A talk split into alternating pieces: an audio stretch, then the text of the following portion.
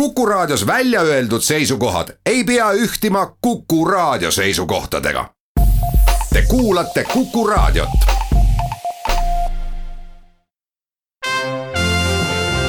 Tallinna Filharmoonia esitleb Filharmooniline huvitaja. tere päevast, head kuulajad! Täna on hea meel öelda tere, Tahv Clubi kunstiline juht, hing, südametunnistus, Raivo Tahvenau. tere kõigile! Tahv Club on tegutsenud eh, kuus aastat. nii. See on noh, kuidas võtta, võib-olla džässiklubi jaoks Tallinna linnas isegi pikk aeg. kindlasti on teil olnud paremaid ja halvemaid aegu, milline aeg on praegu? Äh, no kõigepealt kuus aastat ma äh, ütleksin, et see on džässiklubi jaoks ikkagi tegelikult ülipikk aeg. ma tean, kunagi ma mäletan, ma käisin, olin väga tihe külaline Jyväskylas. Ja seal oli üks džässiklubi, mis oli lahti olnud vist tollal kaheksa aastat järjest. Ja selle kohta ütlesid kohalikud, et see on Soome vanim džässiklubi näiteks.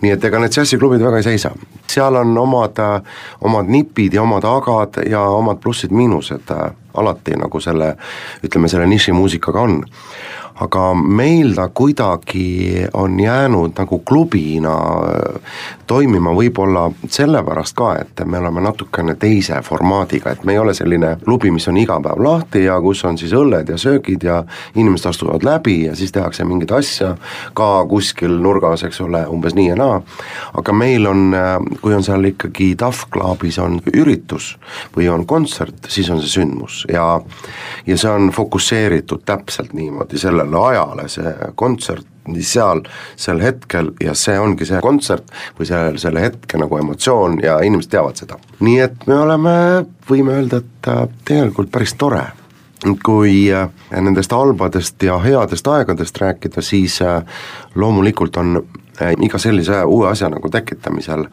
on alati suured riskid, aga kõige hullem, mis saab olla selle asja juures, on see, kui vaadatakse, et esimesel paaril aastal ei toimi ja siis lõpetatakse ka kohe see ära.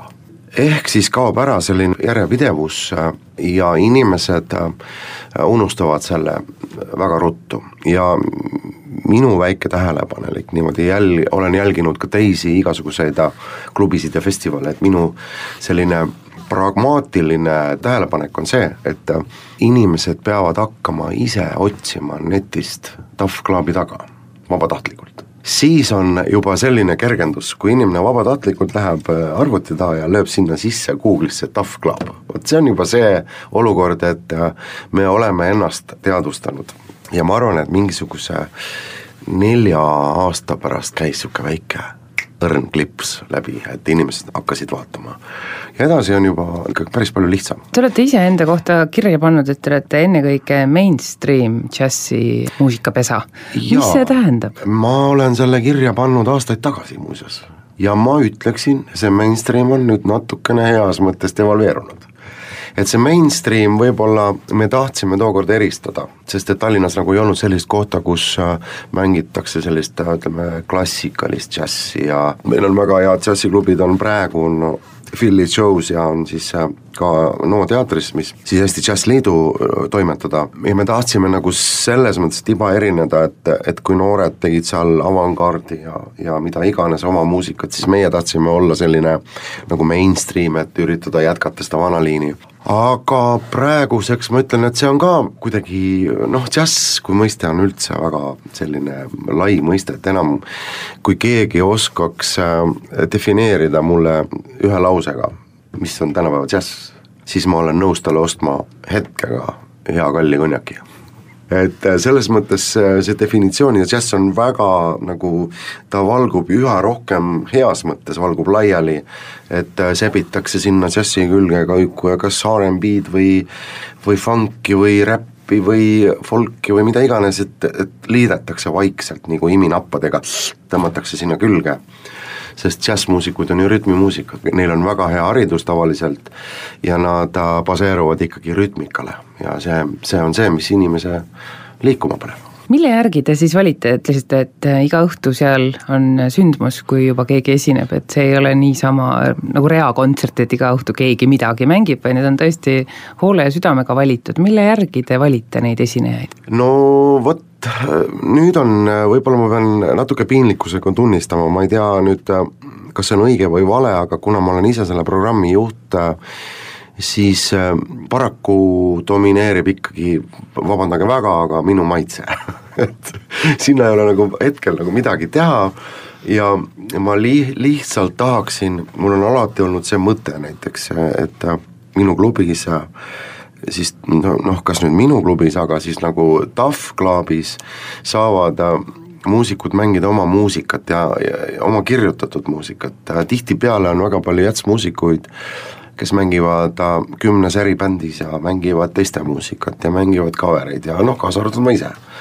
ja seltskondades on peobändid ja igal pool, kus figureeritakse, aga ja siis ma tean, et neil on väga palju muusikat sahtlis, millel ei ole lihtsalt väljundit ja see on, seda on väga raske korraldada ikkagi oma soolokontsert, kui sa oled, kui sa oled äh, läbilõhkimuusik, siis on sinul boheemlase protsent on väga kõrge ja boheemlane teadupärast äh, ei saa teatud äh, asjadega hakkama nii hästi, noh, mis puudutab organiseerimist ja helistamist ja meilide ja kõikide asjade korraldamist, reklaam, kuidas see Facebooki boost ikka käib ja mis asi sellega nüüd on. Need on need praeguse aja nagu nipid, eks. ja siis mul on alati olnud mõte see, et, et kui mul tuleb keegi äh, sinna nendest isiksustest, et nad mängiksid oma muusikat. sest üks lugu mis on muusik kirjutanud, ütleb tihtipeale sada korda rohkem kui mingisugune pikk lause, nagu ma praegu siin teile esitan. aga teie olete ka läbi ja lõhki muusik, kuidas teie selle kõigega hakkama saate? no võib-olla ma olen natukene jah, selline, et mul on vähemalt äh, mingi kümnest varbast vähemalt seitse on kogu aeg maas, noh, et, et ma ikkagi väga palju ei lenda, et ma olen suhteliselt selline inimene, kes teab, mis, mis asjad ikkagi maksavad ja, ja mis asjad nagu töötavad ja olen üritanud hoida need muusiku boheemluse ja siis ütleme sellise noh, ma ei tea, mis see teine pool siis on, boheemluse vastand on siis kas materialist, mitte materialist, aga siis pragmaatik võib-olla, võib-olla need asjad kuidagi omavahel balansis.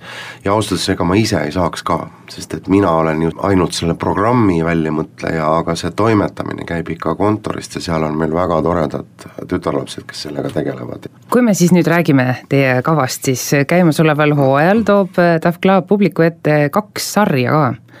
Need on siis äh, Persona, mis võtab fookusesse armastatud Eesti džässartistide autoriloomingu, no oleks ka imelik, kui võtaks fookusesse artistid, keda mitte keegi ei armasta ja teine sari on äh, naabridžäss ja selle raames siis astuvad üles naaberriikide parimad džässartistid. millised kontserdid nende sarjade raames kavas on? kuna meil on hästi lahedaid artiste ja mõnusaid inimesi, kes õpivad välismaal ja üks nendest on nüüd novembris Staff Clubis ka, on Susanna Aleksandra, kes siis oma Soome muusikutega näitab seda siis, seda Soome džässi nagu kvaliteeti.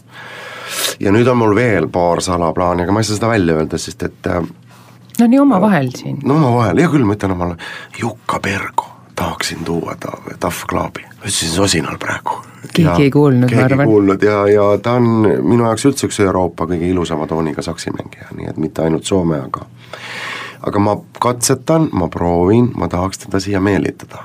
aga veel mitte see aasta? selle aasta numbri sees mitte, aga see toimuks siis nüüd kaks tuhat üheksateist, siis esimese poolaasta jooksul ja siis kindlasti Leedust või Lätist, noh ütleme naabritsest, no loen ikkagi, loen, võin ju öelda, et leedukad on ka ikkagi meie naabrid, on ju. vähemalt südames tundub küll on, on, nad on ikkagi päris naabrid kohe, nad on hästi soojad ja ja seal on üks saksofonimängija ka Petras Višnjauskas, keda ma olen imetlenud juba võib-olla kakskümmend viis aastat näiteks ja aga persona sarjas?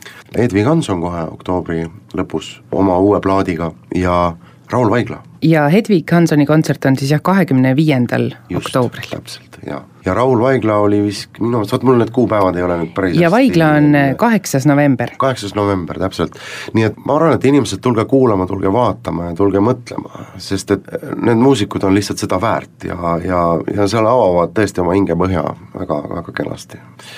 see on kõige ausam värk, mis üldse olla saab, muusik esitab oma, jätsmuusik improviseerib enda loomingu ümber. ma loen teie kavast ka sellist nime nagu Hendrik Sall-Saller. just.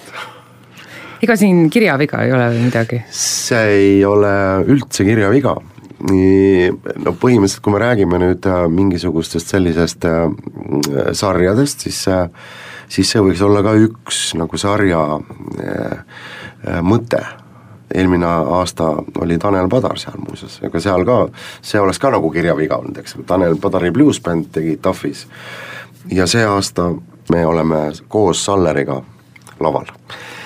ja see on intrigeeriv. miks ta intrigeeriv on, sest et me, mina ja Hendrik, me oleme täiesti nagu muusikaliselt nagu noh, täiesti eri, eri maailmades, totaalselt. aga inimestena me oleme samasugused tegelikult, sest ta on mul hea sõber. Ja me saame rääkida maailma asjadest äh, täpselt samamoodi, me saame täpselt samamoodi naerda iseenda üle. Ja nii edasi ja nii edasi ja nii edasi, et meil on see kokkupuutepunkt on niivõrd äge eluliselt.